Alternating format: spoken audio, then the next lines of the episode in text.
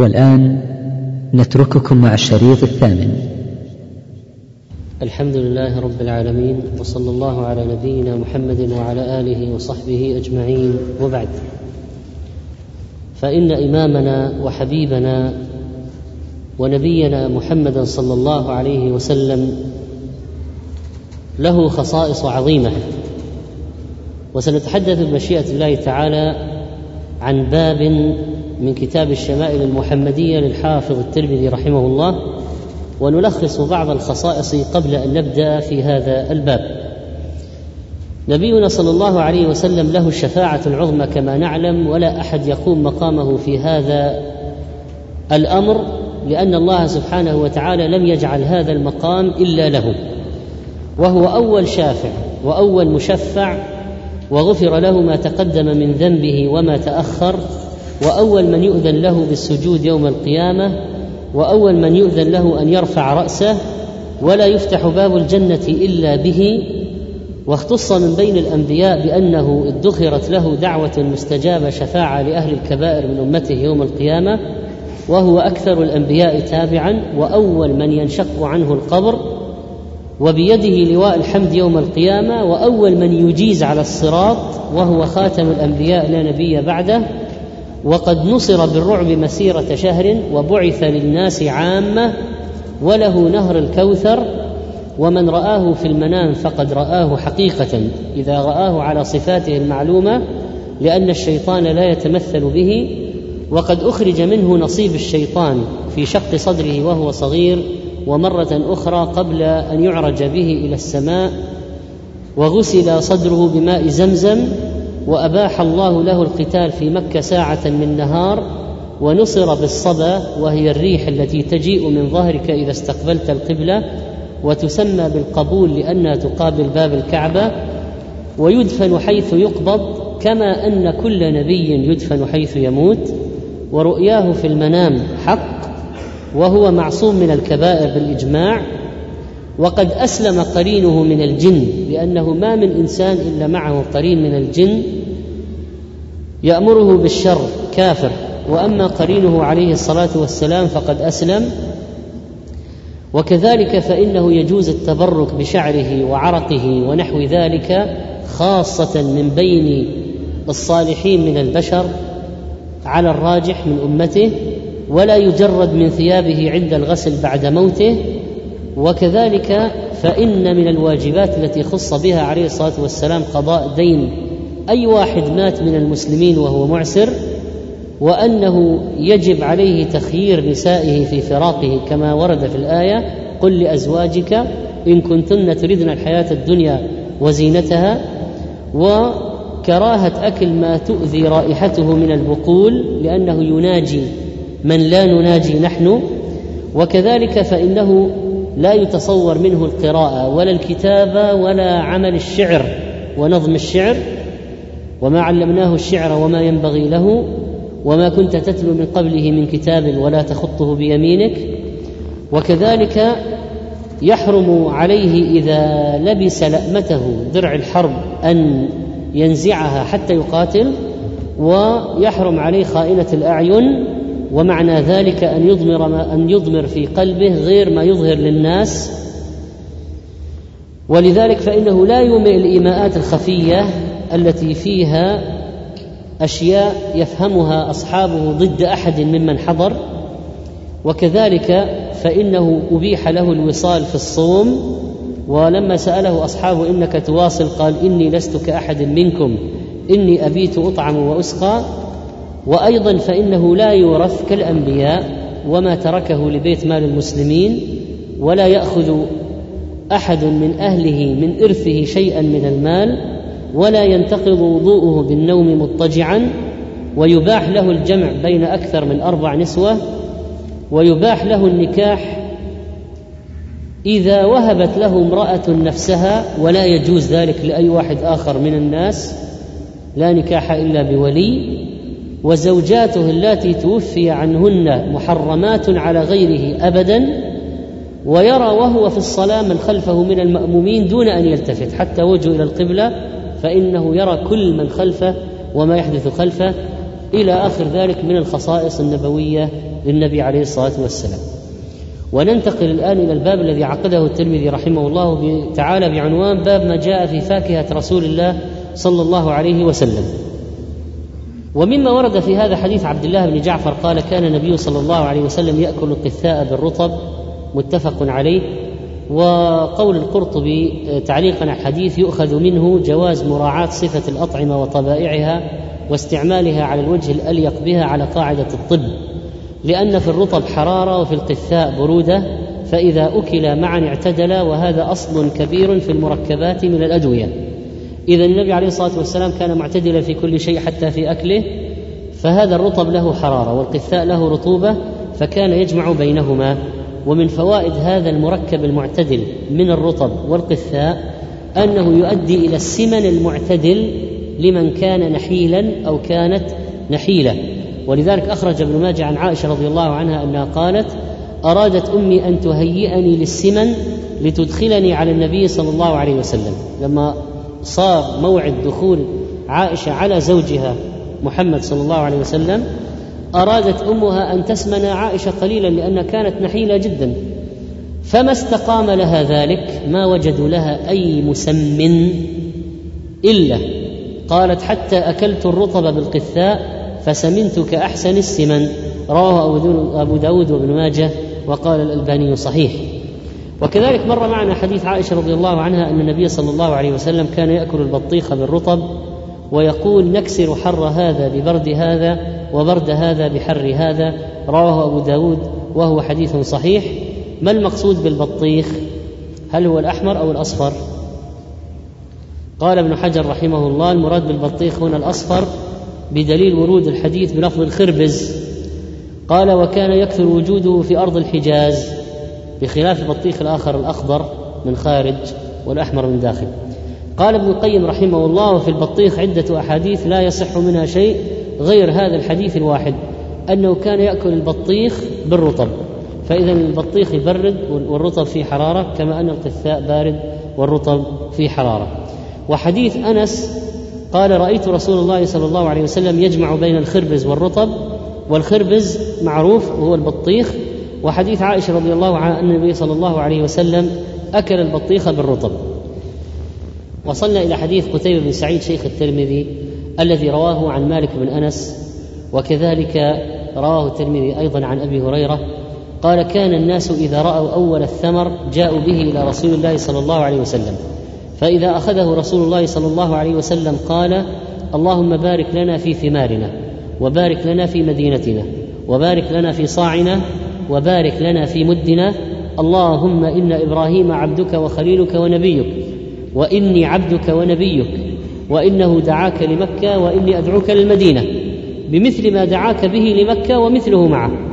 بمثل ما دعاك به لمكة ومثله معه قال ثم يدعو أصغر وليد يراه فيعطيه ذلك الثمر. والحديث هذا قد أخرجه مسلم أيضا وفيه ما كان عليه الصحابة رضوان الله عليهم من الفعل ما كان عليه الصحابة رضوان الله عليهم من الإتيان بأوائل ثمرهم إلى النبي عليه الصلاة والسلام يرجون البركة ومقصدهم من ذلك أن يدعو لهم عليه الصلاة والسلام حتى يبارك لهم فيأتون باول أول ما يأتي الثمار أول ما تخرج أول الثمار يأتون بها إلى النبي عليه الصلاة والسلام.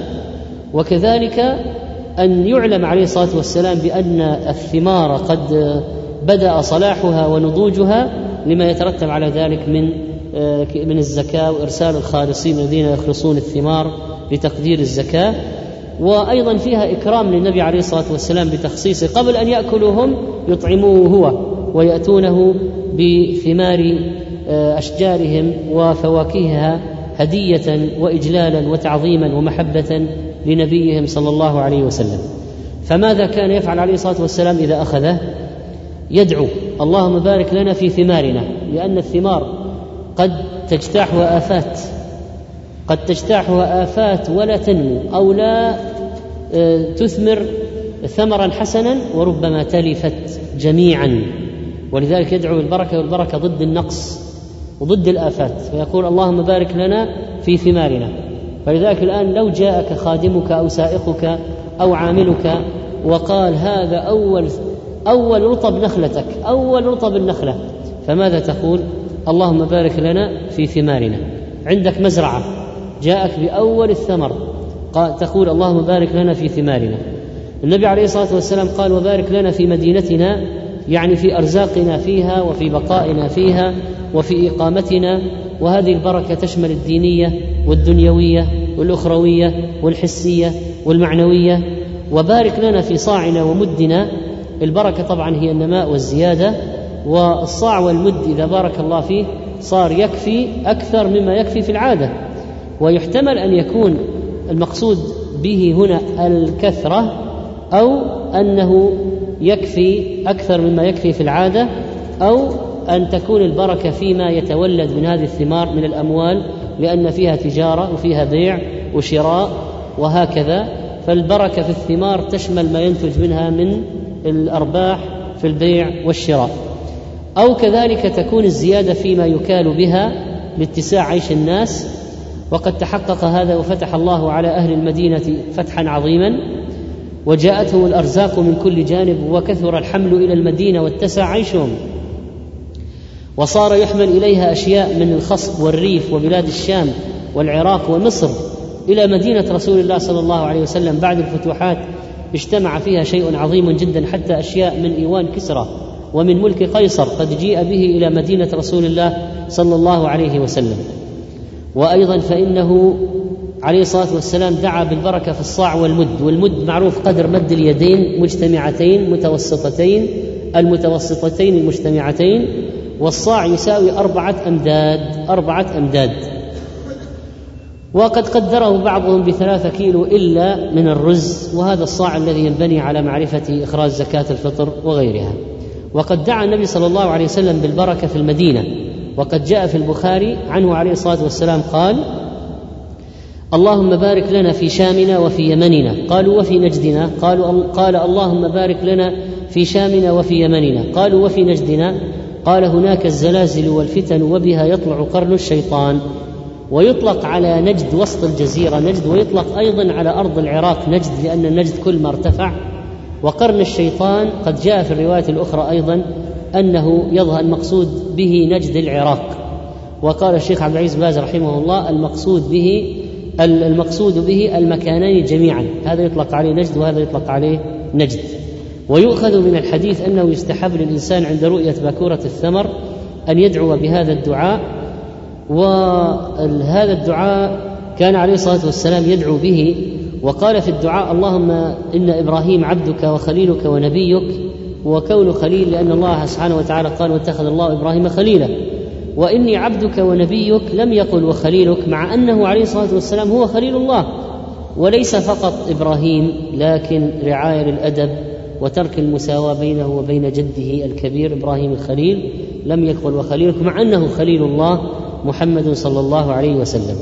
قال إنه يعني إبراهيم دعاك لمكة وذلك لأن إبراهيم عليه السلام قال فاجعل أفئدة من الناس تهوي إليهم إلى مكة وارزقهم من الثمرات لعلهم يشكرون. وكذلك قال تعالى وإذ قال إبراهيم رب اجعل هذا بلدا آمنا وارزق أهله من الثمرات.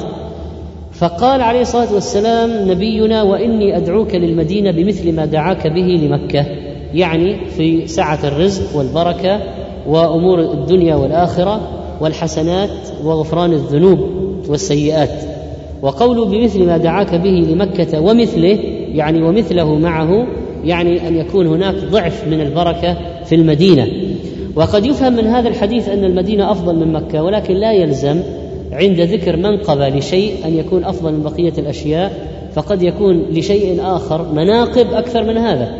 فإذا المنقبة قد تذكر لموسى ونبي عليه الصلاة والسلام مناقب أكثر. قد تذكر منقبة لإبراهيم مثلا إبراهيم أول من يكسى يوم القيامة ولكن مناقب نبينا صلى الله عليه وسلم أكثر. فذكر منقبة للمدينة مثلا هذه لا يعني أن أفضل مكة بل الراجح أن مكة أفضل عند جمهور العلماء وذلك لما جاء عن النبي صلى الله عليه وسلم وهو يخاطب مكة والله إنك لخير أرض الله وأحب أرض الله إلى الله ولولا أن قومي أخرجوني منك ما خرجت. قال الترمذي حديث صحيح. وفي رواية إنك لخير أرض الله وأحب أرض الله إلى الله. وهذا صريح في أفضليتها. وكذلك قوله عليه الصلاة والسلام صلاة في مسجد هذا خير من ألف صلاة فيما سواه إلا المسجد الحرام. فبعض العلماء قال المدينة أفضل لكن أكثر العلماء أن مكة أفضل هذا هو الراجح. وكلا المدينتين فيه فضل عظيم والإيمان يأرز بينهما. وهذا الإيمان في الحجاز والحجاز أفضل منطقة في العالم. تليها الشام ثم اليمن. النبي عليه الصلاة والسلام كان بعد ما يدعو ماذا يفعل بهذه الثمرة التي جيء بها؟ كان يعطيها أصغر من حضر من الولدان. يعطيه ذلك الثمر. فإذا كان عنده أو قريبا منه وليد أعطاه إياها. أو وليد آخر من غير أهله إذا يعني كان موجودا فلا شك أنه آه، سيعطيه إياه. وكان عليه الصلاة والسلام شف شفيقا رحيما ملاطفا للصغار والكبار.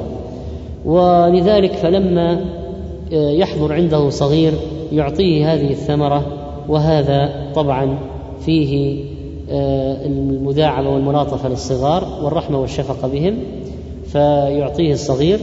وفي أيضا جانب تفاؤل وهو أن هذه الثمرة تنمو وتزداد بدفعها لمن هو في سن النماء والازدياد. مثل قلب الرداء في الاستسقاء. ثم قال رحمه الله تعالى حدثنا محمد بن حميد الرازي وذكر حديثا وفيه ضعف آه، في معاذ بن عفراء لما آه، بعث بقناع من رطب وعليه أجر من قثاء زغب وكان النبي صلى الله عليه وسلم يحب يحب القثاء. الحديث ويغني عنه ما تقدم من أنه عليه الصلاة والسلام كان يأكل الرطب بالقثاء ثم قال باب ما جاء في صفة شراب رسول الله صلى الله عليه وسلم. طبعا الشراب يشمل الماء وغيره من المائعات يعني العصير يسمى شرابا مثلا. النبيذ الزبيب في الماء أو تمر في الماء يلقى فيه مدة يسيرة حتى يكون الماء حلو الطعم من نتيجة الزبيب أو التمر. ثم يشرب باردا قبل طبعا أن يصل مرحلة التخمر ولا يتخمر هذا قبل لأنه يلقى فيه آه، ساعات مثلا فيصبح يكتسب الماء طعما حلوا من النبيذ الذي ينبذ فيه آه، الزبيب أو التمر الذي ينبذ فيه. أما النبيذ المسكر فلم يكن عليه الصلاة والسلام يقربه بل نهى عنه أشد النهي. قال في الحديث عن عائشة كان أحب الشراب إلى رسول الله صلى الله عليه وسلم الحلو البارد وصححه الألباني. والحلو البارد الحلو ضد المر والشراب الحلو البارد هذا يحتمل أن يراد به الماء العذب مثل مياه العيون والآبار الحلوة. وكان عليه الصلاة والسلام يستعذب له الماء من بيوت السقيا إسناده جيد. ومعنى يستعذب له الماء يعني يؤتى له بالماء العذب الطيب الذي لا ملوحة فيه وكانت مياه المدينة مالحة فيؤتى له من منطقة قريبة من المدينة آه، يطلق عليها بيوت السقيا بينها وبين المدينة يومان بالمسافة يؤتى له من ذلك المكان بالماء الحلو. إذا هذا الماء الحلو العذب جذبه ليس منافيا للزهد مثلا وليس مكروها أو تكلفا بل إنه أمر حسن. ويحتمل أن يراد بقوله آه، أو يحتمل أن يراد بقولها في الحديث كان أحب الشراب إلى رسول الله صلى الله عليه وسلم الحلو البارد أي الماء, الممزوج بالعسل. قال ابن القيم رحمه الله فإنه كان صلى الله عليه وسلم يشرب العسل الممزوج بالماء البارد. وفي هذا من حفظ الصحة ما لا يهتدي إلى معرفته إلا أفاضل الأطباء. فإن شربه ولعقه على الريق يذيب البلغم ويغسل خمل المعده ويجلو لزوجتها ويدفع عنها الفضلات ويسخنها باعتدال ويفتح سددها ويفعل مثل ذلك بالكبد والكلى والمثانة الماء الممزوج بالعسل. قال وهو أنفع للمعدة من كل حلو دخلها وشربه أنفع من كثير من الأشربة المتخذة من السكر أو أكثرها ولا سيما لمن لم يعتد هذه الأشربة ولا ألفها طبعه فإنه إذا شربها لا تلائمه ملائمة العسل. آه، والنقل ونعم أنفع من كثير من الأشربة المتخذة من السكر أو أكثرها ولا سيما لمن لم يعتد هذه الأشربة ولا ألفها طبعه فإنه إذا شربها لا تلائمه ملائمة العسل ولا قريبا منه. والاحتمال الثالث أن يكون المراد به الماء الذي نقع فيه التمر أو الزبيب كما قدمنا وهذا عظيم نفع في زيادة القوة. وكان عليه الصلاة والسلام ينبذ له من أول الليل الزبيب في الماء أو التمر في الماء فإذا أصبح شربه. طول اليوم.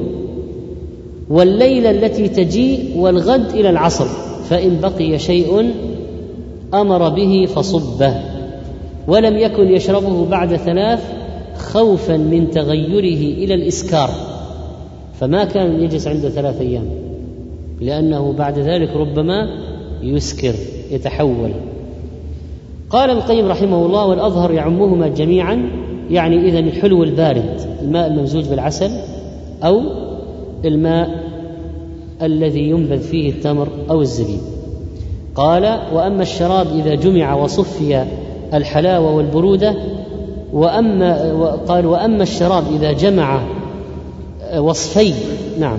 إذا جمع وصفي الحلاوة والبرودة فمن أنفع شيء للبدن ومن أكبر أسباب حفظ الصحة. وللأرواح والقوى والكبد والقلب. وإذا كان فيه الوصفان يعني الحلاوة والبرودة حصلت به التغذية وتنفيذ الطعام إلى الأعضاء وإيصاله إليها أتم تنفيذ.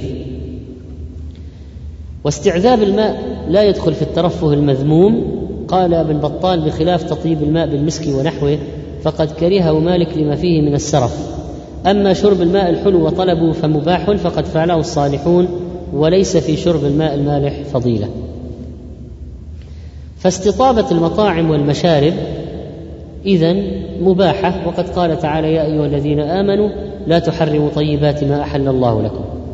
ثم ذكر حديث ابن عباس رضي الله عنه قال دخلت مع رسول الله صلى الله عليه وسلم أنا وخالد بن الوليد مع على ميمونة فجاءتنا بإناء من لبن فشرب رسول الله صلى الله عليه وسلم وأنا على يمينه وخالد على شماله. من الذي يروي الحديث؟ من الذي يروي الحديث؟ أنت عندك الكتاب. آه. ابن عباس. ابن عباس. ومن ومن يوجد في المجلس؟ علي وخالد رضي الله عنهما. فقال لي النبي عليه الصلاة والسلام يقول ابن عباس لأنه كان عن يمينه الشربة لك فإن شئت آثرت آه، الشربة لك فإن شئت آثرت بها خالدا. فقلت ما كنت لأوثر على سؤلك أحدا. ثم قال رسول الله صلى الله عليه وسلم من أطعمه الله طعاما فليقل اللهم بارك لنا فيه وأطعمنا خيرا منه ومن سقاه الله عز وجل لبنا فليقل اللهم بارك لنا فيه وزدنا منه. ثم قال قال رسول الله صلى الله عليه وسلم ليس شيء يجزئ مكان الطعام والشراب غير اللبن. رواه الترمذي وحسنه وكذلك حسنه الشيخ الألباني في صحيح في صحيحته. دخلت مع رسول الله صلى الله عليه وسلم أنا وخالد وليد على ميمونة. ميمونة ما قرابتها لابن عباس. خالته. وما قرابتها من خالد بن الوليد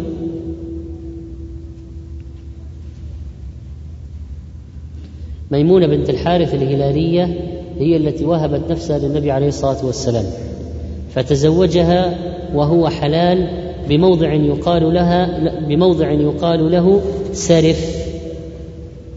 وكانت آخر من تزوجها النبي عليه الصلاة والسلام ونعم الختام. وامتدت بها الحياة إلى خلافة معاوية وتوفي سنة 51 بسرف في المكان الذي تزوجت فيه ولها ثمانون سنة ودفنت في الموضع الذي أعرس النبي صلى الله عليه وسلم فيه بها في نفس المكان. سبحان الله. و يقول ابن عباس دخلت مع رسول الله صلى الله عليه وسلم أنا أنا وخالد لأن ميمونة هي خالة ابن عباس وخالة خالد أيضا.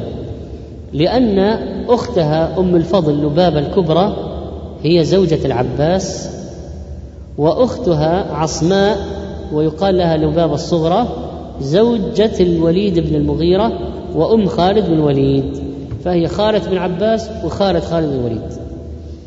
فجاءتنا بإناء من لبن فشرب رسول الله صلى الله عليه وسلم وأنا على يمينه. طبعا العباس صغير وخالد على شماله وخالد كبير. فقال النبي عليه الصلاة والسلام لابن عباس الشربة لك يعني أن الذي يقدم الأيمن. أنت على جهة اليمنى والجهه اليمنى مقدمة. مثل ما حصل في البئر التي كان النبي صلى الله عليه وسلم قد جيء بماء وشيب له لبن مع هذا الماء من البئر التي في دار أنس فأعطى النبي صلى الله عليه وسلم القدح فشرب منه عليه الصلاة والسلام. حتى إذا نزع القدح من فيه وعلى يساره أبو بكر وعن يمينه اعرابي فقال عمر وخاف أن يعطيه الأعرابي. اعط أبا بكر يا رسول الله. اعط أبا بكر يا رسول الله عندك.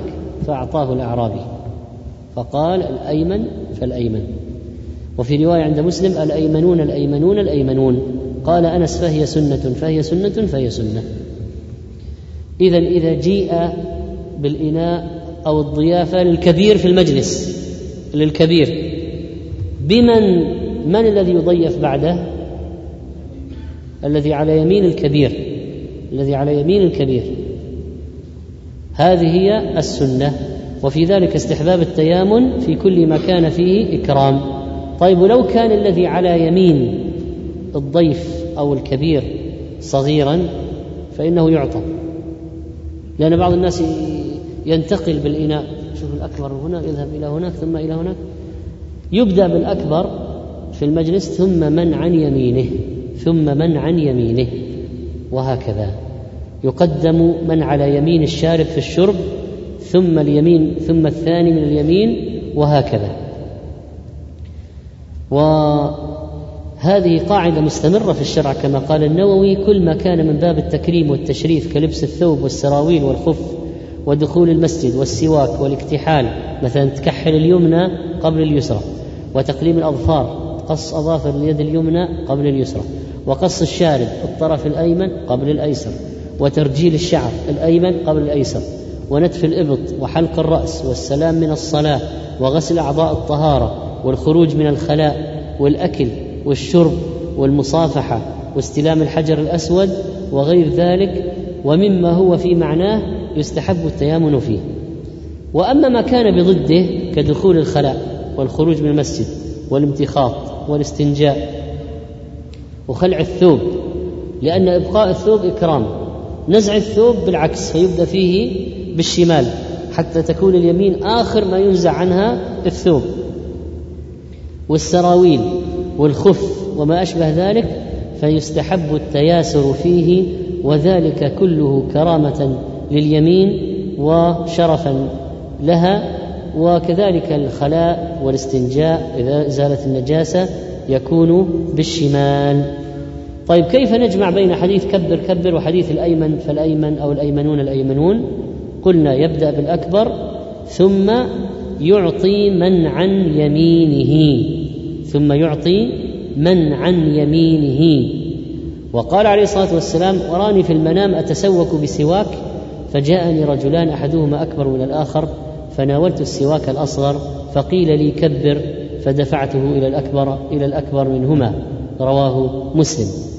وكان عليه الصلاة والسلام يقول إذا سقي ابدأوا بالكبير ثم يعني بعد الكبير من عن يمينه. وقال ابن حجر سنده قوي.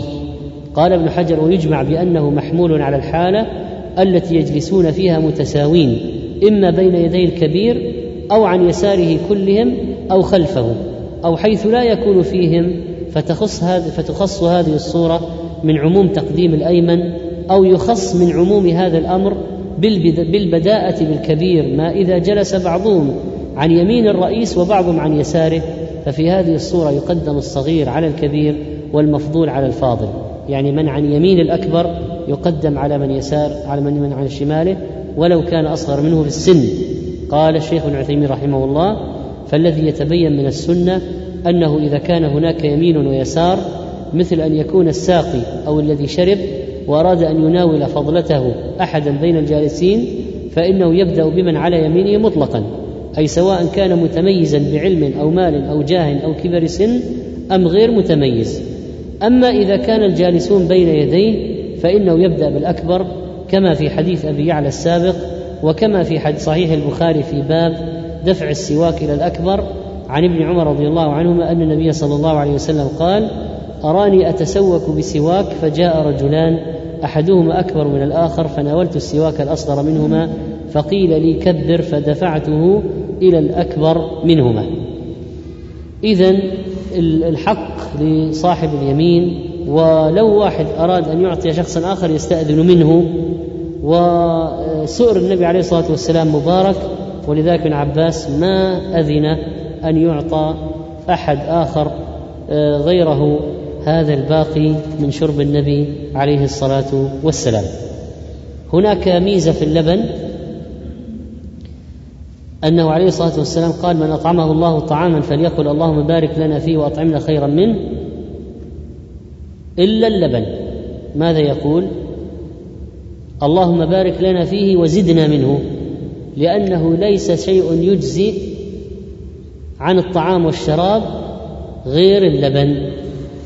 وهذا اللبن هو الذي نسميه نحن الحليب آه الآن.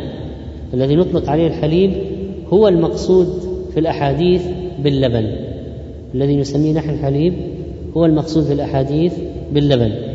والآن الناس يقولون لبن خاثر ولبن رائب ولبن زبادي ولبن لكن المقصود باللبن في الأحاديث هو ما نسميه نحن اليوم الحليب. ما في شيء يجزي عن الطعام مثل اللبن. يعني ممكن تستغني به عن الأكل. وهذا السبب إذا جيء به إلينا ما نقول اللهم آه، بارك لنا فيه وزدنا خيرا منه أو أطعمنا خيرا منه وإنما نقول اللهم بارك لنا فيه وزدنا منه لأنه ليس شيء يجزي عن الأطعمة مثل اللبن. وهل هو أفضل من العسل؟ اختلف أهل العلم في هذا. فقال بعض من جهة التغذي والري اللبن ومن جهة المنافع والعلاج العسل. قال ابن عربي العسل واللبن مشروبان عظيمان سيما لبن الإبل فإنها تأكل من كل الشجر وكذا النحل. لا تبقي نورا إلا أكلت منه فهما مركبان من أشجار مختلفة وأنواع من النباتات متباينة ولذلك فإنهما في الحقيقة شرابان عظيمان ونعمتان من الله وقد قال عز وجل وإن لكم في الأنعام لعبرة نسقيكم مما في بطونه من بين فرث ودم لبنا خالصا سائغا للشاربين. وجعل الله اللبن والعسل من أنهار الجنة. فقال مثل الجنة التي وعد المتقون فيها أنهار من ماء غير آس وأنهار من لبن لم يتغير طعمه وأنهار من خمر لذة للشاربين وأنهار من عسل مصفى. فنسأل الله سبحانه وتعالى أن يبارك لنا فيما آتانا وأن يرزقنا من لدنه رزقا حسنا إنه سميع مجيب. وصلى الله على نبينا محمد. الحمد لله رب العالمين والصلاة والسلام على نبينا محمد وعلى آله وصحبه أجمعين. وبعد فقد قال الإمام الترمذي رحمه الله تعالى في كتابه الشمائل المحمدية باب ما جاء في شرب رسول الله صلى الله عليه وسلم. عن الشعبي عن ابن عباس أن النبي صلى الله عليه وسلم شرب من زمزم وهو قائم. وهذا الحديث قد رواه البخاري ومسلم أيضا. وجاء عن الشعبي عن ابن عباس قال سقيت النبي صلى الله عليه وسلم من زمزم فشرب وهو قائم. وفي لفظ البخاري سقيت رسول الله صلى الله عليه وسلم من زمزم فشرب وهو قائم. قال عاصم فحلف عكرمة ما كان يومئذ إلا على بعير. وهذا الحديث يفهم منه. وفي الحديث الأول ذكر ابن عباس أن النبي صلى الله عليه وسلم شرب من ماء زمزم وهو قائم. وفي الحديث الثاني ذكره ذكر أنه سقاه من ماء زمزم فشرب وهو قائم. فيفهم من هذا تعدد شربه من زمزم قائما وأن إحداها كانت على يد ابن عباس والله تعالى أعلم. وكان من عادة النبي صلى الله عليه وسلم كما نعلم الشرب قاعدا إلا أنه جاء هنا أنه شرب من زمزم واقفا وقد تكلم العلماء في سبب شربه قائما عليه الصلاة والسلام فقيل إنه شرب قائما لأنه لم يجد مكانا للقعود لازدحام الناس على زمزم فشربه قائما هنا لعذر وهو الزحام. وقيل إنه شرب قائما لخصوصية ماء زمزم حتى يتمكن من التضلع منها والارتواء لأنه يسن من زمزم الشرب إلى أقصى ما يمكن. وقيل إنه لما شرب من ماء زمزم كان راكبا على بعير وهو قول عكرمة وكان يحلف على ذلك. لكن روى أبو داود رحمه الله عن ابن عباس أن رسول الله صلى الله عليه وسلم قدم من مكة وهو يشتكي فطاف على راحلته. كلما أتى على الركن استلم الركن بمحجن والمحجن هو العصا المعقوفة الرأس مثل العكاز. فلما فرغ من طوافه أناخ فصلى ركعتين. ويفهم منها أنه ماذا فعل بعد الطواف؟ طاف على بعيره لكن على الراحلة. بعد الطواف ماذا فعل؟ نزل من الراحله نزل عن الراحلة. فصلى ركعتين. قال الحافظ فلعله حينئذ شرب من زمزم قبل أن يعود إلى بعيره ويخرج إلى الصفا. بل هذا هو الذي يتعين المصير إليه لأن عمدة عكرمة في إنكاره كونه شرب قائما إنما هو ما ثبت عنده أنه صلى الله عليه وسلم طاف على بعيره وخرج إلى الصفا على بعيره وسعى كذلك. لكن لا بد من تخلل ركعتي الطواف بين ذلك يعني بين الطواف والسعي في ركعتين. وإذا كان طاف على بعيره وسعى على بعيره فأين صلى الركعتين؟ على الأرض يعني نزل عن البعير. وقد ثبت أنه صلاهما على الأرض فما المانع من كونه شرب حينئذ من سقاية زمزم قائما كما حفظه الشعبي عن ابن عباس. ولذلك السنة ترتيب الأعمال. إذا ذهبت للعمرة اولا أن تطوف بالبيت سبعا ثم تذهب إلى المقام فتصلي خلفه ركعتين ثم تأتي زمزم فتشرب منها وتتضلع وتدعو وتسكب على رأسك. ثم تمر بالحجر الأسود فتستلمه إن استطعت ثم تتجه إلى الصفا وتصعد عليه.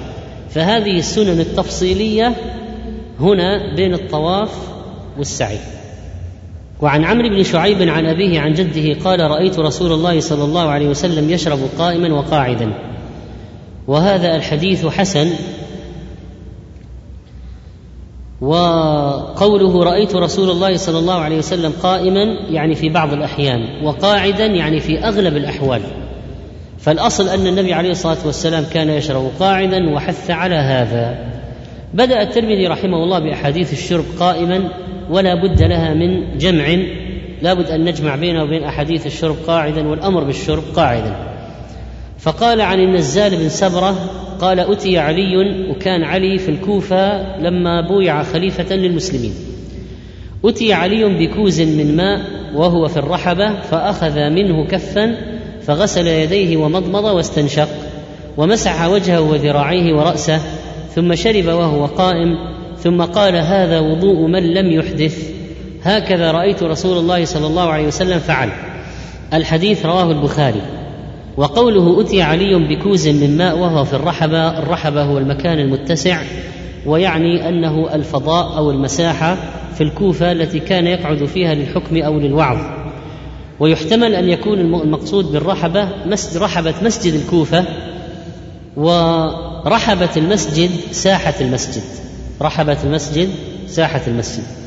وجاء عند البخاري عن النزال بن سبرة يحدث عن علي رضي الله عنه أنه صلى الظهر ثم قعد في حوائج الناس في رحبة الكوفة حتى حضرت صلاة العصر ثم أتي بماء فشرب وغسل وجهه ويديه وذكر رأسه ورجليه ثم قام فشرب فضله وهو قائم. فقول فأخذ منه كفا فغسل يديه ومضمض واستنشق ومسح وجهه وذراعيه ورأسه ورجليه. ما المقصود بالمسح هنا؟ المقصود به الغسل الخفيف. الغسل الخفيف فهو بيده قليل من الماء فهو يمسح على العضو في الوضوء. ومعلوم أن الفرض في الوضوء الغسل والفرق بين الغسل والمسح بالماء أن الغسل يسيل فيه الماء سيلانا ففيه سيلان الماء الغسل. أما المسح ما يشترط أن يكون في سيلان الماء فيكفي أن تأخذ الكف المبلولة وتمسح العضو. فالآن كيف نوفق بين قضية الوضوء الذي فيه غسل؟ لأن الله قال فاغسلوا وجوهكم وأيديكم إلى المرافق. وبين حديث علي أنه مسح. وليست القضية مسح على الخفين والجوربين لأنه قال ومسح وجهه وذراعيه ورأسه ورجليه. وهذه أشياء ليس فرضها المسح إلا الرأس. والباقي لا بد فيها من الغسل. فيحمل المسح هنا على الغسل الخفيف أو نقول إن هذا وضوء من ليس بمحدث وإنما هو وضوء من أراد التجديد أو التنظيف. فتحمل أحاديث الرش والمسح على التنظيف والتجديد ولا هو على طهارة أصلا؟ وأما إذا كان على غير طهارة فلا بد من الغسل الذي يسيل فيه الماء سيلانا ويعمم العضو بالماء. فهذا تجديد طهارة وليس طهارة من رفع حدث. هكذا ذكر ابن القيم رحمه الله في الجمع بين هذا وبين فرض الغسل الوارد في الآية. فيؤخذ من هذا أنه يجوز لغير المحدث أن يمسح في موضع الغسل أما المحدث لا بد له من الغسل. وقوله ثم شرب وهو قائم وفي البخاري عن النزال أتى علي رضي الله عنه على باب الرحبة فشرب قائما. فقال إن ناسا يكره أحدهم أن يشرب وهو قائم وإني رأيت النبي صلى الله عليه وسلم فعل كما رأيتموني فعلت. وفي الروايه الاخرى عند البخاري بيان أن هذا المشروب كان فضلة الوضوء. يعني ما تبقى من ماء الوضوء. ثم أتي بماء فشرب وغسل وجهه ويديه وذكر رأسه ورجليه ثم قام فشرب فضله وهو قائم. الذين ذهبوا إلى جواز الشرب قائما استدلوا بحديث علي وحديث ابن عباس السابق وحديث عمرو بن شعيب الذي مر معنا ولكن هناك أحاديث أخرى في المقابل ومنها ما رواه مسلم عن أنس أن النبي صلى الله عليه وسلم زاجر عن الشرب قائما. أن النبي صلى الله عليه وسلم زاجر عن الشرب قائما. ولمسلم عن أبي هريرة لا يشربن أحدكم قائما. فمن نسي فليستقي يعني من نسي وشرب واقفا فليستقي ولأحمد عن أبي هريرة أنه صلى الله عليه وسلم رأى رجلا يشرب قائما فقال قه. قال لم قه يعني تخيل قال لم قال أيسرك أن يشرب معك الهر؟ قال لا. قال قد شرب معك من هو شر منه؟ الشيطان. فماذا نفعل الآن في الجمع بين هذه الأحاديث؟ جمع العلماء بينها بأن أحاديث الشرب واقفا للجواز وأحاديث الشرب قاعدا للاستحباب وادعى بعضهم النسخ. من الطرفين. قال هؤلاء أحاديثنا تنسخ أحاديثكم وقال الآخرون أحاديثنا تنسخ أحاديثكم. ولكننا نقول أيضا من أوجه الجمع أن أحاديث الشرب قائما لبيان الجواز وخصوصا عند الحاجة مثل شدة الزحام وأن لا يوجد مكان يجلس فيه الإنسان. ونأخذ مثالا في زمننا هذا برادات الماء المعمولة على الواقف وليس فيها كاسات. وما لك حل إلا أنك تضغط الزر وتشرب. وليس هناك ما تملأ به الماء وتجلس. فماذا تفعل؟ ستشرب قائما لأن الحاجة تدعو إلى ذلك. وقد يكون هناك شيء معلق لابد أن تشرب منه وأنت قائم. في شدة الزحام حول زمزم ربما لا يجد مكان يجلس فيه من شدة الزحام فهو يناول الدلو ويشرب منه وهو قائم.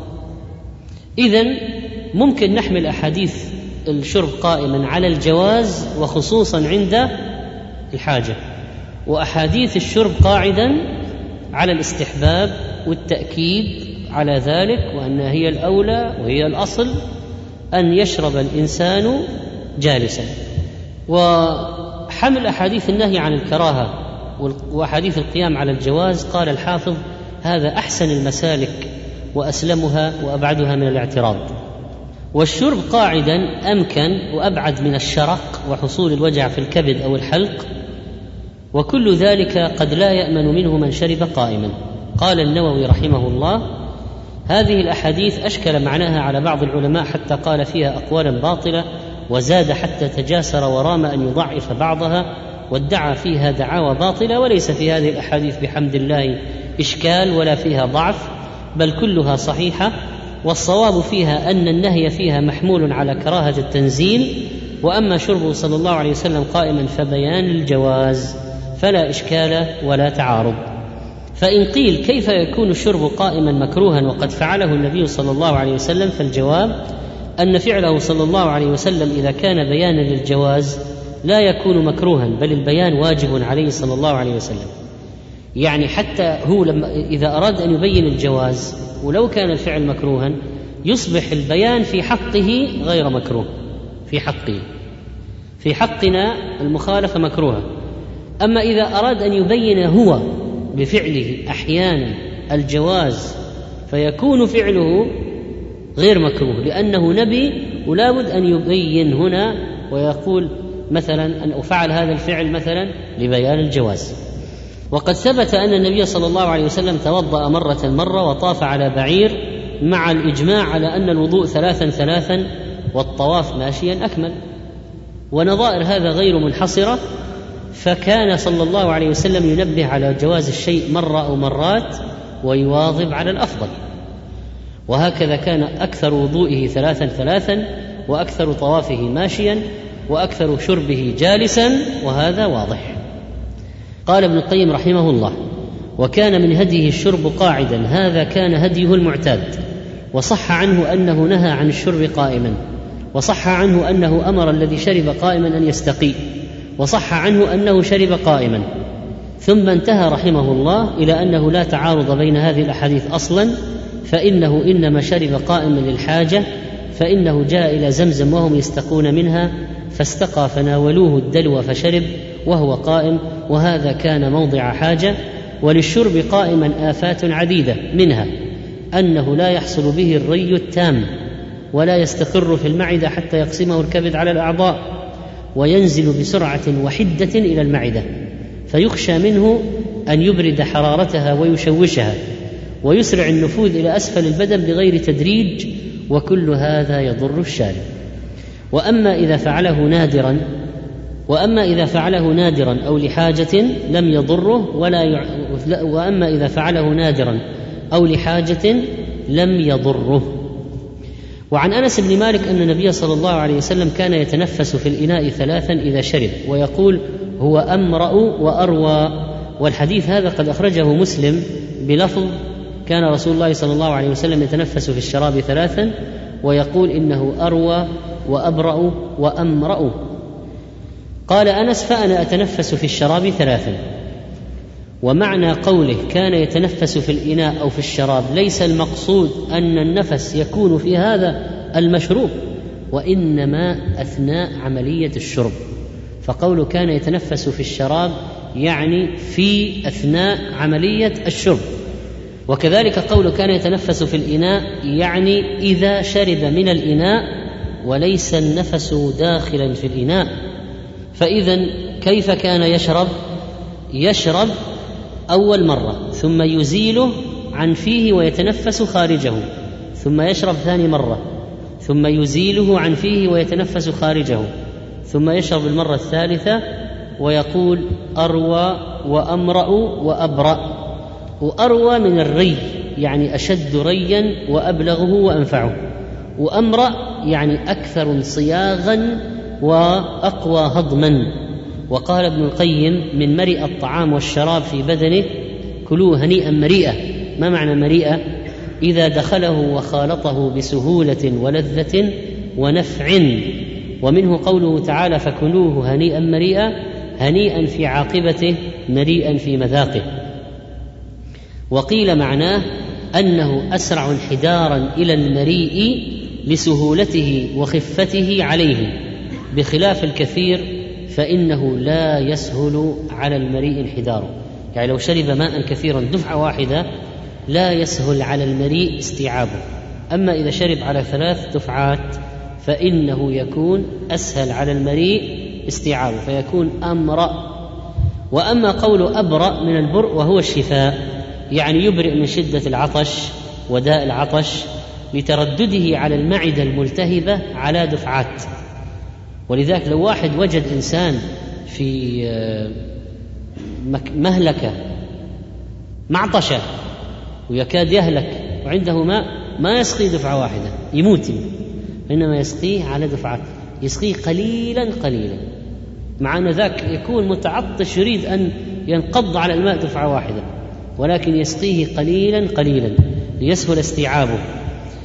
وتسكن الدفعة الثانية ما عجزت الأولى عن تسكينه والثالثة ما عجزت عنه الثانية. قال ابن القيم وأيضا فإنه أسلم عاقبة وآمن غائلة من تناول جميع ما يروى دفعة واحدة. فإنه يخاف منه أن يطفئ الحرارة الغريزية بشدة برده وكثرة كميته أو يضعفها فيؤدي ذلك إلى فساد مزاج المعدة والكبد وإلى أمراض رديئة خصوصا في سكان البلاد الحارة كالحجاز واليمن ونحوهما أو في الأزمنة الحارة كشدة الصيف فإن الشرب وهلة واحدة مخوف عليهم جدا. ووقع في رواية أبي داود أهنأ من الهنأ والمعنى أنه يصير هنيا مريا بريا يعني سالما بريا بريئا من براءة يعني سالما من المرض والعلة. ويؤخذ كذلك منه أنه أقمع للعطش يعني الشرب على ثلاث دفعات والتنفس بينها الشرب على ثلاث دفعات والتنفس بينها أقمع للعطش وأقوى على الهضم وأقل اثرا في ضعف الأعضاء وبرد المعدة. وأما بالنسبة للتنفس قال ابن القيم ومن آفات الشرب نهلة واحدة يعني بدون تنفس يشرب إلى أن ينقطع النفس. هذا يقول يخاف منه الشرق بأن ينسد مجرى الشراب لكثرة الوارد عليه فيغص به. فإن قال واحد هل الإنسان يغص بالماء؟ فنقول نعم هذا مجرب معروف.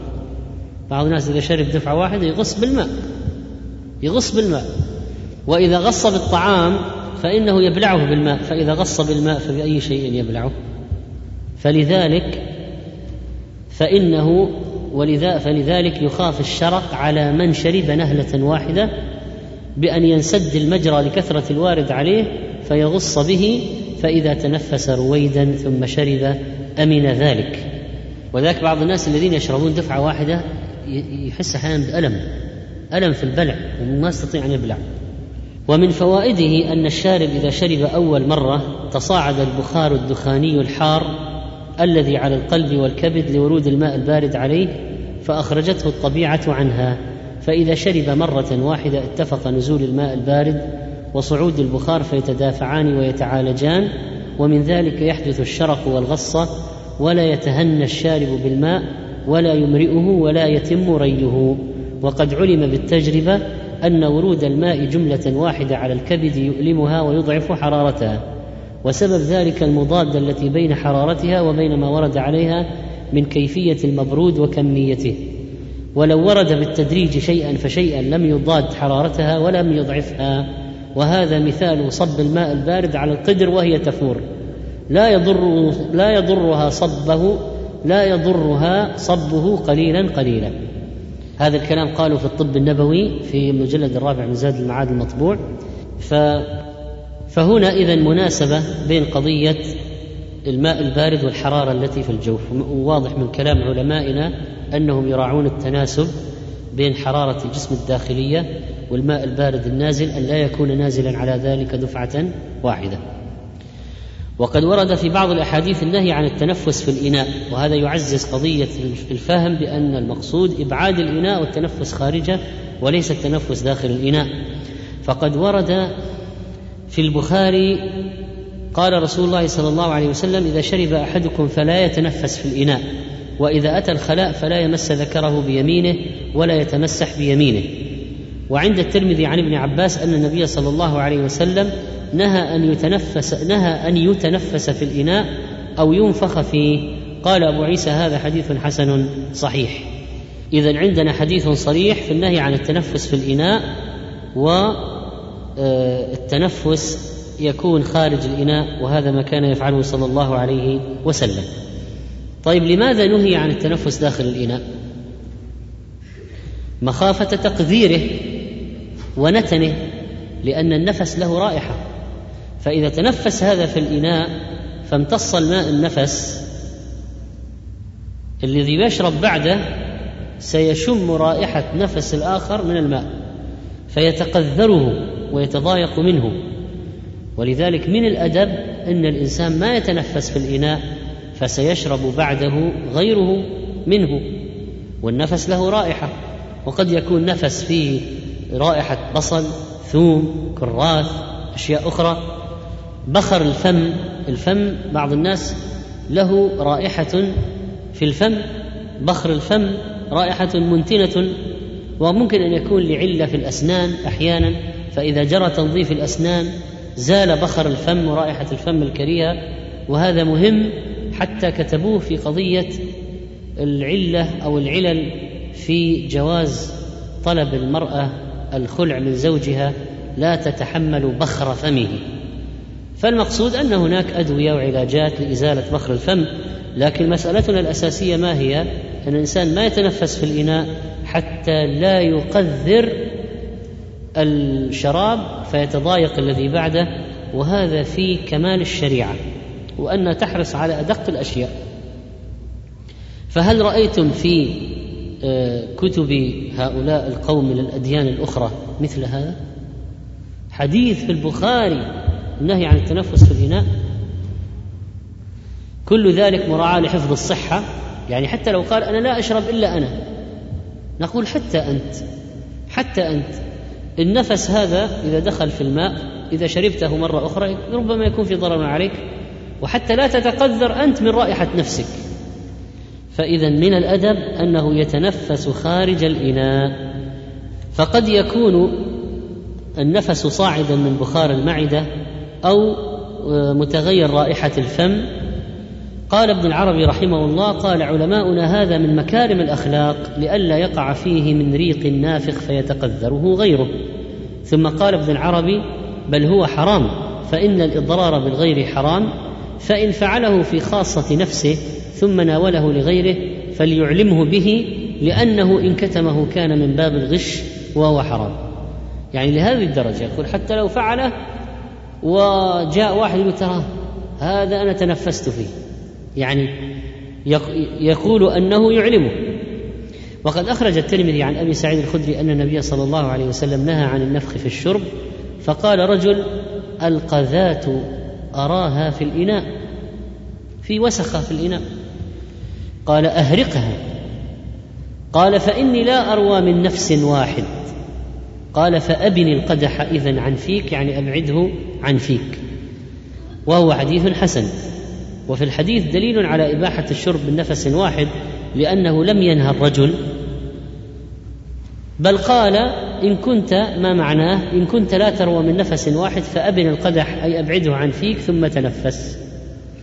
فلو قال واحد أنا أريد أن أشرب من نفس واحد نقول اذا إذا أردت التنفس بعدها أبعد القدح وتنفس خارج القدح. ولابن ماجه من حديث أبي هريرة قال قال رسول الله صلى الله عليه وسلم إذا شرب أحدكم فلا يتنفس في الإناء فإذا أراد أن يعود فلينحي الإناء ثم ليعد إن كان يريد. حديث صحيح. ثم ساق حديث رشدين بن كريب وهو ضعيف. ثم ساق حديث كبشة قالت دخل علي رسول الله صلى الله عليه وسلم فشرب من في قربة معلقة قائما. اذا هذه قربة معلقة والقربة المعلقة لابد أن يكون الإنسان قائما عند الشرب منها. قالت فقمت إلى فيها فقطعته. لماذا قطعته؟ لماذا قطعته؟ تبركا بالموضع الذي شرب منه النبي عليه الصلاة والسلام تحتفظ به عندها. قالت فقطعت فما القربة تبتغي بركة موضع في رسول الله صلى الله عليه وسلم.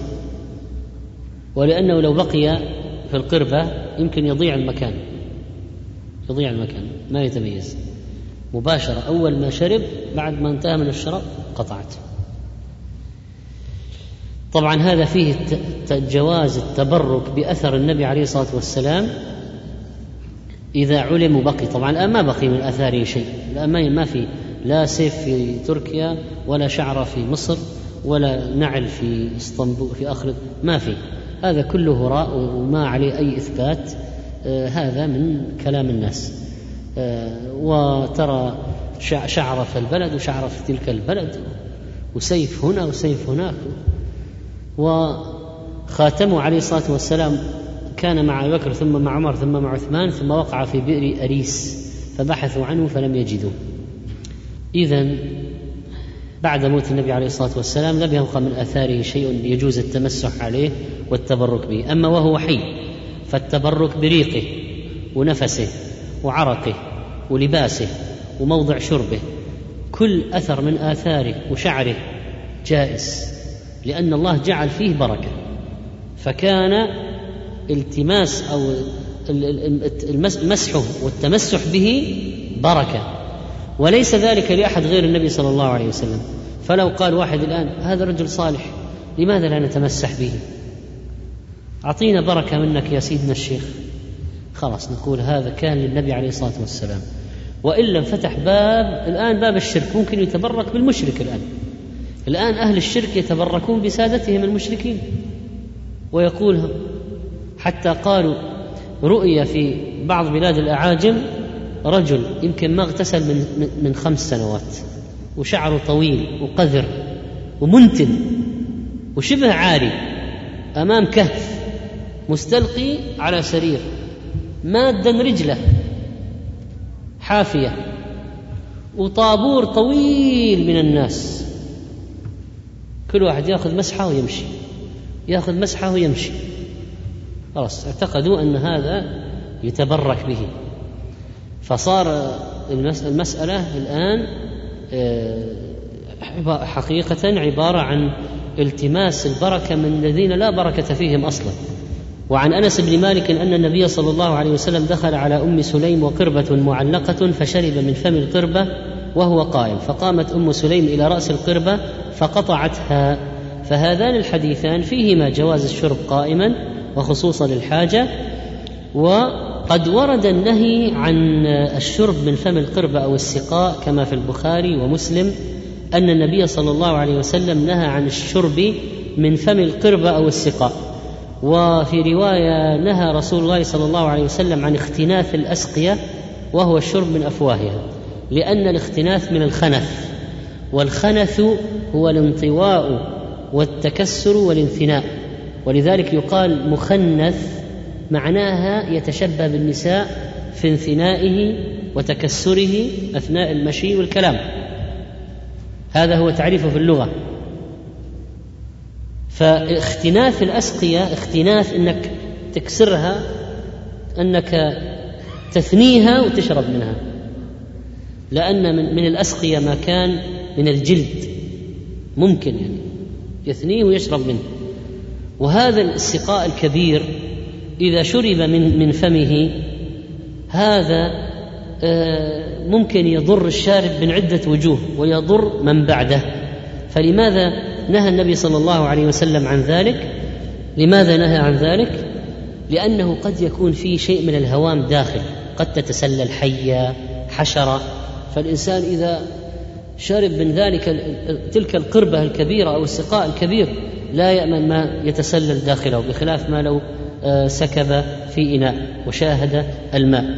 وكذلك فإن فإنه قد ورد علة للنهي في حديث عائشة بسند قوي عند الحاكم نهى أن يشرب من فيه السقاء لأن ذلك ينتنه يعني ينتن فم السقاء وسيشرب منه آخرون. وكذلك من العلل أنه قد يغلبه الماء فينصب أكثر من حاجته فيشرق. واحد يشرب من قربة كبيرة فيشرق أو تبتل ثيابه وينسكب عليه ولذلك ورد النهي طيب وفعله عليه الصلاة والسلام يحمل على ماذا؟ يحمل على ماذا؟ إذا لم يكن هناك بد إلا منه فعند ذلك يفعله أو كان السقاء أو كان السقاء آه، صغيرا أو كان لا يمس فم السقاء بشفتيه يعني يبعد نعم ويسكب ولا يتنفس فيه. لا يتنفس فيه. فإذا إذا كان السقاء صغيرا مثل الآن بعض الجوالين جالون صغير مثلا ويبعده عن فيه فلا يشرب من فيه مباشرة ما يضع شفتيه عليه مباشرة ولا يتنفس فيه وللحاجة لا بأس. لكن الأصل يسكب ولا يشرب منه مباشرة. أم سلمة قطعت ذلك أيضا لتحفظه للتبرك والاستشفاء من موضع شرب النبي عليه الصلاة والسلام. والله تعالى أعلم. الحمد لله رب العالمين وصلى الله على نبينا محمد وعلى آله وصحبه أجمعين. وبعد فقد روى الإمام الترمذي رحمه الله تعالى في كتابه الشمائل المحمدية باب ما جاء في تعطر رسول الله صلى الله عليه وسلم. عن موسى بن أنس بن مالك عن أبيه قال كان لرسول الله صلى الله عليه وسلم سكة يتطيب منها. والحديث رواه أبو داود وهو حديث صحيح ومعنى سكة قيل طيب مركب وقيل وعاء الطيب. فإن كان فإن كان المراد بها هنا نفس الطيب. سكة يتطيب منها إن كان المراد بكلمة سكة. الطيب نفسه فمن تكون للتبعيض يتطيب منها يعني بجزء منها لأن السكة هي الطيب. وإن كان المراد بها الوعاء الذي يوضع فيه الطيب فتكون من للابتداء. فيتطيب من هذه السكة ويأخذ منها. والظاهر أن المراد بالسكة هو الظرف الذي يوضع فيه الطيب كما يشعر بذلك قوله منها. لأنه لو أريد بها نفس الطيب لقيل يتطيب بها. وقوله منها يتطيب منها يستعمل الطيب على دفعات بخلاف ما لو قيل يتطيب بها فإنه يوهم أنه يستعملها دفعة واحدة. وعلى القول بأن هذا طيب مركب فهو يشتق من الرامك. يتخذ من الرامك وهو شيء أسود يخلط بمسك ويعرك ويقرص ويترك يومين ثم يثقب بمسلة ثم ينظم في خيط وكلما عتق عبقه. فالخلاصة أن هذا طيب من أخ مجموع من أخلاط. كان عليه الصلاة والسلام يضعه في سكة في إناء يتطيب منه. فإذا طيب عليه الصلاة والسلام كان أخلاطا مركب من طيب من عدة أنواع يوضع في إناء يتطيب منه. والحديث يدل على استحباب استعمال التطيب ومحبة النبي عليه الصلاة والسلام للعطر وكانت الريح الطيبة صفة عليه الصلاة والسلام وإن لم يمس طيبا فإن رائحته طيبة صلى الله عليه وسلم. وكان يستعمل الطيب في أكثر أوقاته مبالغة في تطيب. في التطيب وتطيب رائحته لملاقاة الملائكة ومجالسة المسلمين. وقد جمع النبي صلى الله عليه وسلم أطيب الأشياء فله من الأخلاق أطيبها ومن الأعمال أطيبها وأزكاها ومن المطاعم أطيبها ومن الروائح أطيبها. ولذلك كان من اخلاقه التطيب يحبه ويكثر منه بل هو إحدى محبوباته في هذه الدنيا. كما قال عليه الصلاة والسلام حبب إلي من الدنيا النساء والطيب وجعلت قرة عيني في الصلاة. رواه أحمد وهو حديث صحيح. ولا شك أن قرة العين أعلى من المحبة فجعلت قرة العين في الصلاة العبادة والمحبة الدنيوية المباحة كانت في الزوجات والإماء وكانت في الطيب. ومن خصائصه عليه الصلاة والسلام أنه كان طيب الرائحة ذاتيا أي أن جسمه يفوح منه الطيب. كما روى أنس بن مالك رضي الله عنه قال ما مسست حريرا ولا ديباجا ألين من كف النبي صلى الله عليه وسلم ولا شممت ريحا قط أو عرفا قط أطيب من ريح أو عرف النبي صلى الله عليه وسلم. رواه البخاري ومسلم. وعن جابر بن سمرة رضي الله عنه قال صليت مع رسول الله صلى الله عليه وسلم صلاة الأولى ثم خرج إلى أهله وخرجت معه فاستقبله ولدان فجعل يمسح خدي أحدهم واحدا واحدا.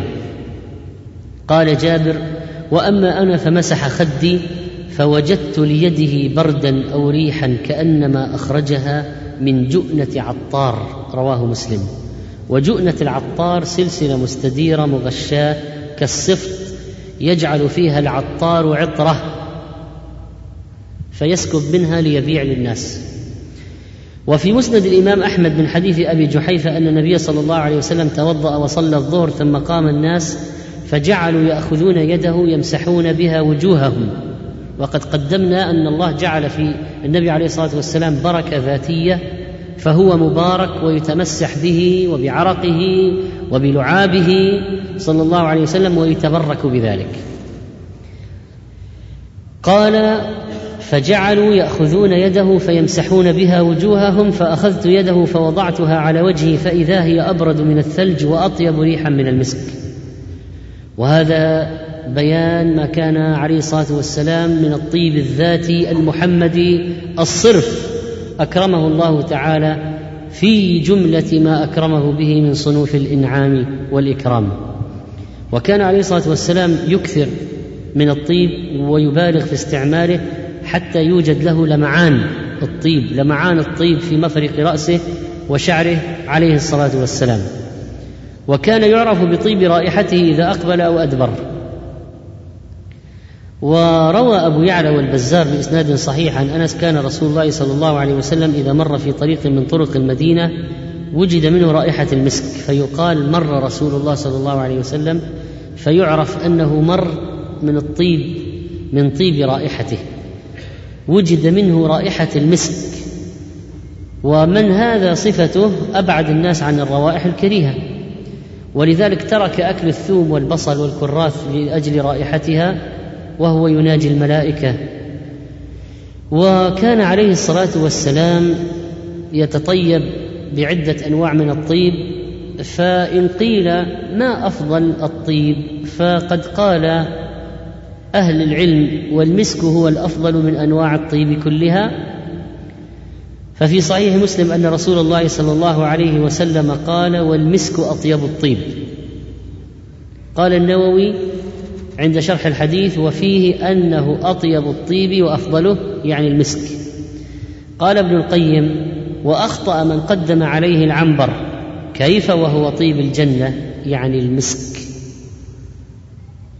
ومن ترابها المسك الأذفر الذي تفوح رائحته وتعبق طبعا يوجد أنواع مغشوشة وأخلاط رديئة فيستغرب بعض الناس هذا الطيب فيقال أي نوع هو الذي يتحدث عنه العلماء والممدوح في الحديث المسك أطيب الطيب لا شك أنه المسك الأصلي. أما المغشوش والمخلوط باشياء أخرى فحتى لو لم يستسغه الإنسان يقال له ليس هذا هو المقصود. فاذا من جهة الأفضلية كما أن الثريد أفضل الطعام المسك أطيب الطيب.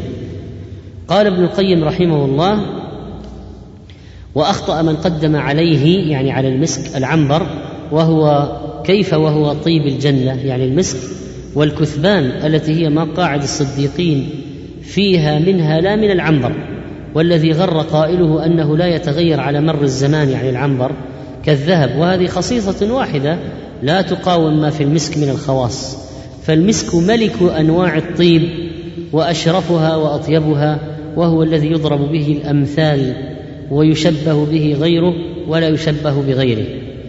ومن منافعه يعني المسك أنه يطيب العرق ويسخن الأعضاء ويمنع الأرياح الغليظه المتولدة في الأمعاء ويقوي القلب ويقوي الأعضاء الظاهرة وينفع من داء الصداع ويقوي الدماغ وينفع من جميع علله الباردة ويبطل عمل السموم وغير ذلك. وقال بعضهم في استعمال النبي صلى الله عليه وسلم للطيب الجاهل يظن أن ذلك من حب التزين للناس فقط قياسا على أخلاق غيره. وهيهات فقد كان مامورا بالدعوة وكان من وظائفه أن يسعى في تعظيم أمر نفسه في قلوبهم المدعوين وتحسين صورته في أعينهم. وهذا الفعل يجب على كل عالم تصدى لدعوة الخلق إلى الحق يعني أن النبي عليه الصلاة والسلام كان من حسن الدعوة وهو يدعو الناس ويعلم الناس أنه يتطيب لأجل أن أنهم يغشوه فيشم منه رائحة طيبة. ويتأكد الطيب للرجال في الجمعة والعيدين وعند الإحرام وحضور الجماعة والمحافل وعند قراءة القرآن وحضور حلق العلم والذكر وصلاة الجماعة. ويتأكد لكل من الرجل والمرأة عند المباشرة يعني بين الزوجين لأنه من حسن المعاشرة. والتطيب من الفطرة ولهذا بوب ابن القيم في زاد المعاد باب هدي صلى الله عليه وسلم في الفطرة وتوابعها وأورد أحاديث الطيب من ضمنها. والطيب يحفظ الصحة ولذلك بوب ابن القيم رحمه الله في كتابه زاد المعاد في هدي خير العباد باب في حفظ الصحة بالطيب. وقال ابن القيم لما كانت الرائحة الطيبة غذاء الروح والروح مطية القوى والقوى تزداد بالطيب وهو ينفع الدماغ والقلب وسائر الأعضاء الباطنية ويفرح القلب ويسر النفس ويبسط الروح وهو أصدق شيء للروح وأشده ملائمة لها وبينه وبين الروح الطيبة نسبة قريبة. كان أحد المحبوبين من الدنيا إلى أطيب الطيبين صلوات الله عليه وسلامه. يعني نظرا لهذه الفوائد كان عليه الصلاة والسلام يحبه. قال آه، في فيض القدير ومن محاسن الطيب أنه مقو للدماغ وكذلك قال الشافعي من نظف ثوبه قل همه ومن طاب ريحه زاد عقله. ومن خصائص الطيب أن الملائكة تحبه وأن الشياطين تنفر عنه لأن الملائكة تتأذى من الروائح الخبيثة ورائحة البصل والثوم وتحب الروائح الطيبة الشياطين تغشى أماكن الخلاء وأماكن النجاسات وتكون الخبث والخبائث في هذه الأماكن ولا تطيق الروائح الطيبة. وقد قال سبحانه وتعالى الطيبات للطيبين والطيبون للطيبات كما قال الخبيثات للخبيثين والخبيثون للخبيثات. وهذا يتناول الأعمال والأقوال والمطاعم والمشارب والملابس والروائح. فالناس الطيبون يحبون الطيب الطيب ومن الناس رديء يحب الروائح العفنة والنجسة. وكذلك من الناس الطيبين يحبون المكاسب الطيبة وفي من الناس أشرار يحبون المكاسب الخبيثة والرشوة والسرقة والربا والسحت وأكل المال بالباطل. وعلى هذا نشأوا وعلى هذا استمروا. فأهل الخير أفعالهم وأرواح أرياحهم طيبة وأقوالهم طيبة مكاسبهم طيبة كلامهم طيب. أهل الشر كلامهم ومكاسبهم وأفعالهم أقوالهم رديئة. وعن ثمامة بن عبد الله قال كان أنس بن مالك لا يرد الطيب وقال أنس إن النبي صلى الله عليه وسلم كان لا يرد الطيب. وعنون البخاري في كتاب اللباس باب من لم يرد الطيب. وقال ابن العربي رحمه الله إنما كان لا يرد الطيب لمحبته فيه ولحاجته إليه أكثر من غيره لأنه يناجي من لا نناجي. وقال ابن بطال رحمه الله إنما كان لا يرد الطيب من أجل أنه ملازم لمناجاة الملائكة ولذلك كان لا يأكل الثوم ما يشاكله. وعن أبي هريرة مرفوعا من عرض عليه طيب فلا يرده فإنه خفيف المحمل طيب الرائحة. وأخرجه مسلم. وقال بدل الطيب ريحان في رواية مسلم.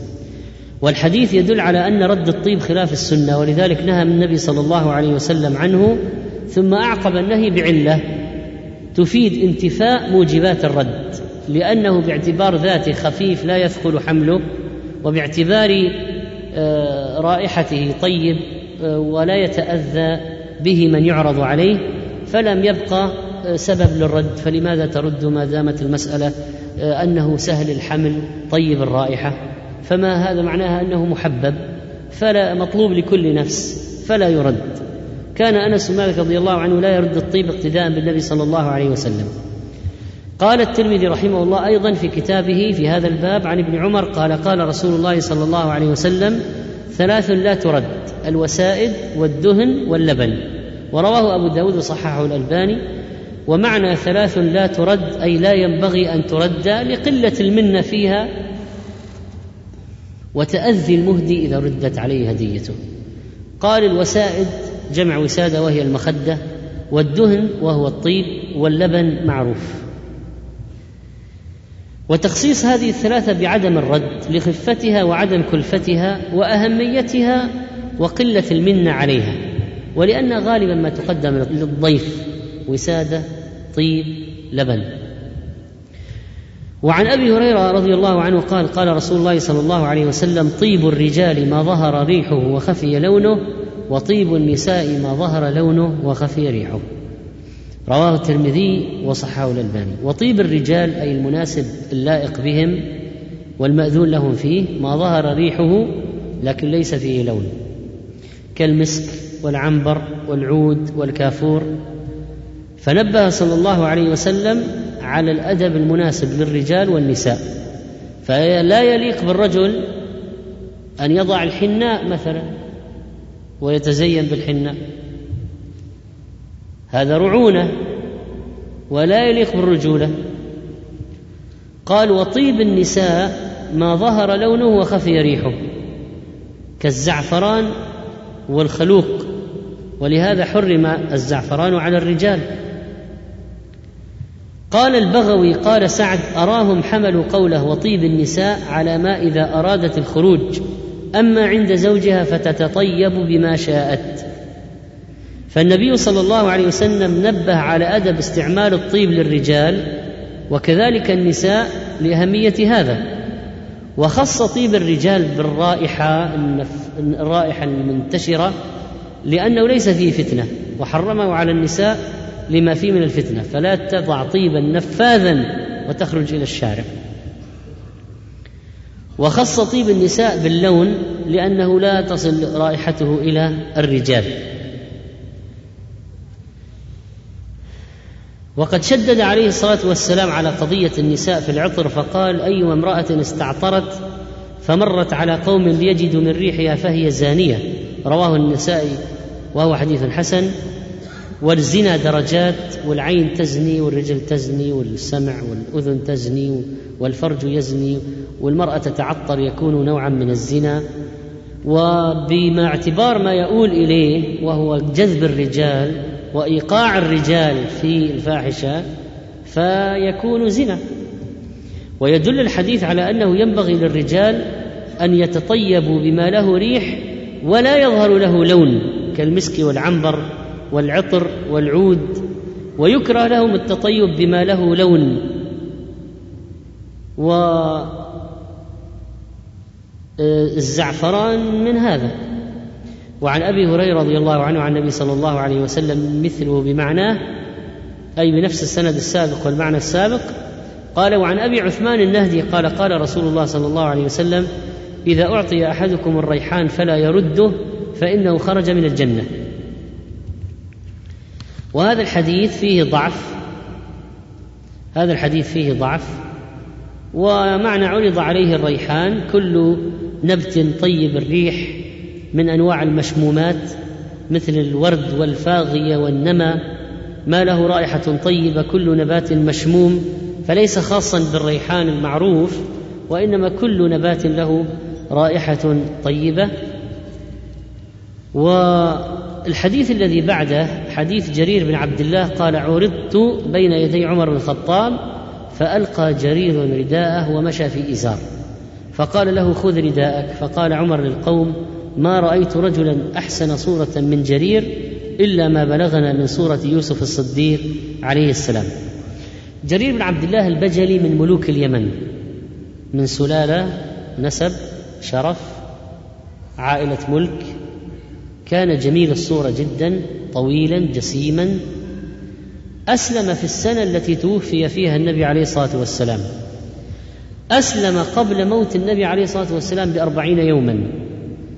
ونزل الكوفة بعد ذلك وسكنها. ثم انتقل إلى قرقستا ومات بها سنة إحدى وخمسين للهجرة. كان بديع الحسن عظيم الجمال حتى قال عمر رضي الله عنه جرير يوسف هذه الأمة. يقول جرير ما رآني رسول الله صلى الله عليه وسلم إلا تبسم في وجهي. والحديث فيه عرضت يعني عرضني على عمر من ولاه ذلك لينظر في قوتي على القتال لأن الاستعراض كان الأمير الجيش يعرض عليه المقاتلين يعرض المقاتلون عليه حتى ينظر فيهم فيستثني من لا يصلح للقتال. عرض جرير على عمر. فلما كان بين يدي عمر أراد أن يتبين حاله. وهل يقوى على القتال أم لا؟ والسبب أن الرجل هذا رضي الله عنه كان به علة وهي أنه لا يثبت على الخيل. يقع من فوق. إذا ركب الخيل وقع. حتى دعا له النبي عليه الصلاة والسلام. ضرب صدره ودعا له بالتثبيت. وغاب بعد ذلك. وجاء في عهد عمر يشارك في الفتوحات في القتال. فاستعرضه عمر ليعرف هل يثبت على الخيل هل زالت العلة التي كانت أم لا. وقوله فألقى جريد رداءه ومشى في إزار إظهارا للقوة والشجاعة وأنه قادر على القتال. فقال عمر خذ رداءك يعني اترك مشيك فقد ظهر لي من أمرك ما يدل على قوتك وعلى قدرتك. ثم قال عمر بعد ذلك ما رأيت رجلا أحسن من صورة جرير إلا ما بلغنا من صورة يوسف عليه السلام. ويقول عبد الله ويقول عبد الملك بن عمير رأيت جرير بن عبد الله وكأن وجهه شقة قمر. والنبي صلى الله عليه وسلم كان أجمل الأمة في غاية الكمال وكان عليه الصلاة والسلام قد أوتي من حسن الصورة وحسن الخلق وما جعله قمة في الأمة. آه، ما وجه الحديث هذا في كتاب التطيب؟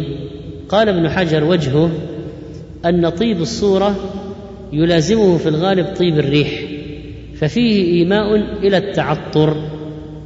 ورد بعضهم هذا على أية حال قد يضع بعض المحدثين حديثا في الباب ولا يدرى لماذا وضعه وقد يكون وضعه مؤقتا لينقله إلى مكان آخر. قد يريد به شيئا خفيا فالله أعلم. وهذا اذا آه، نبذة عن تطيب النبي عليه الصلاة والسلام ومحبة للطيب وبماذا كان يتطيب. والمسألة كما نرى فيها من حسن معاشرة الناس ما لا يخفى وهكذا ينبغي أن يكون كل من يخالط الناس. والله تعالى أعلم.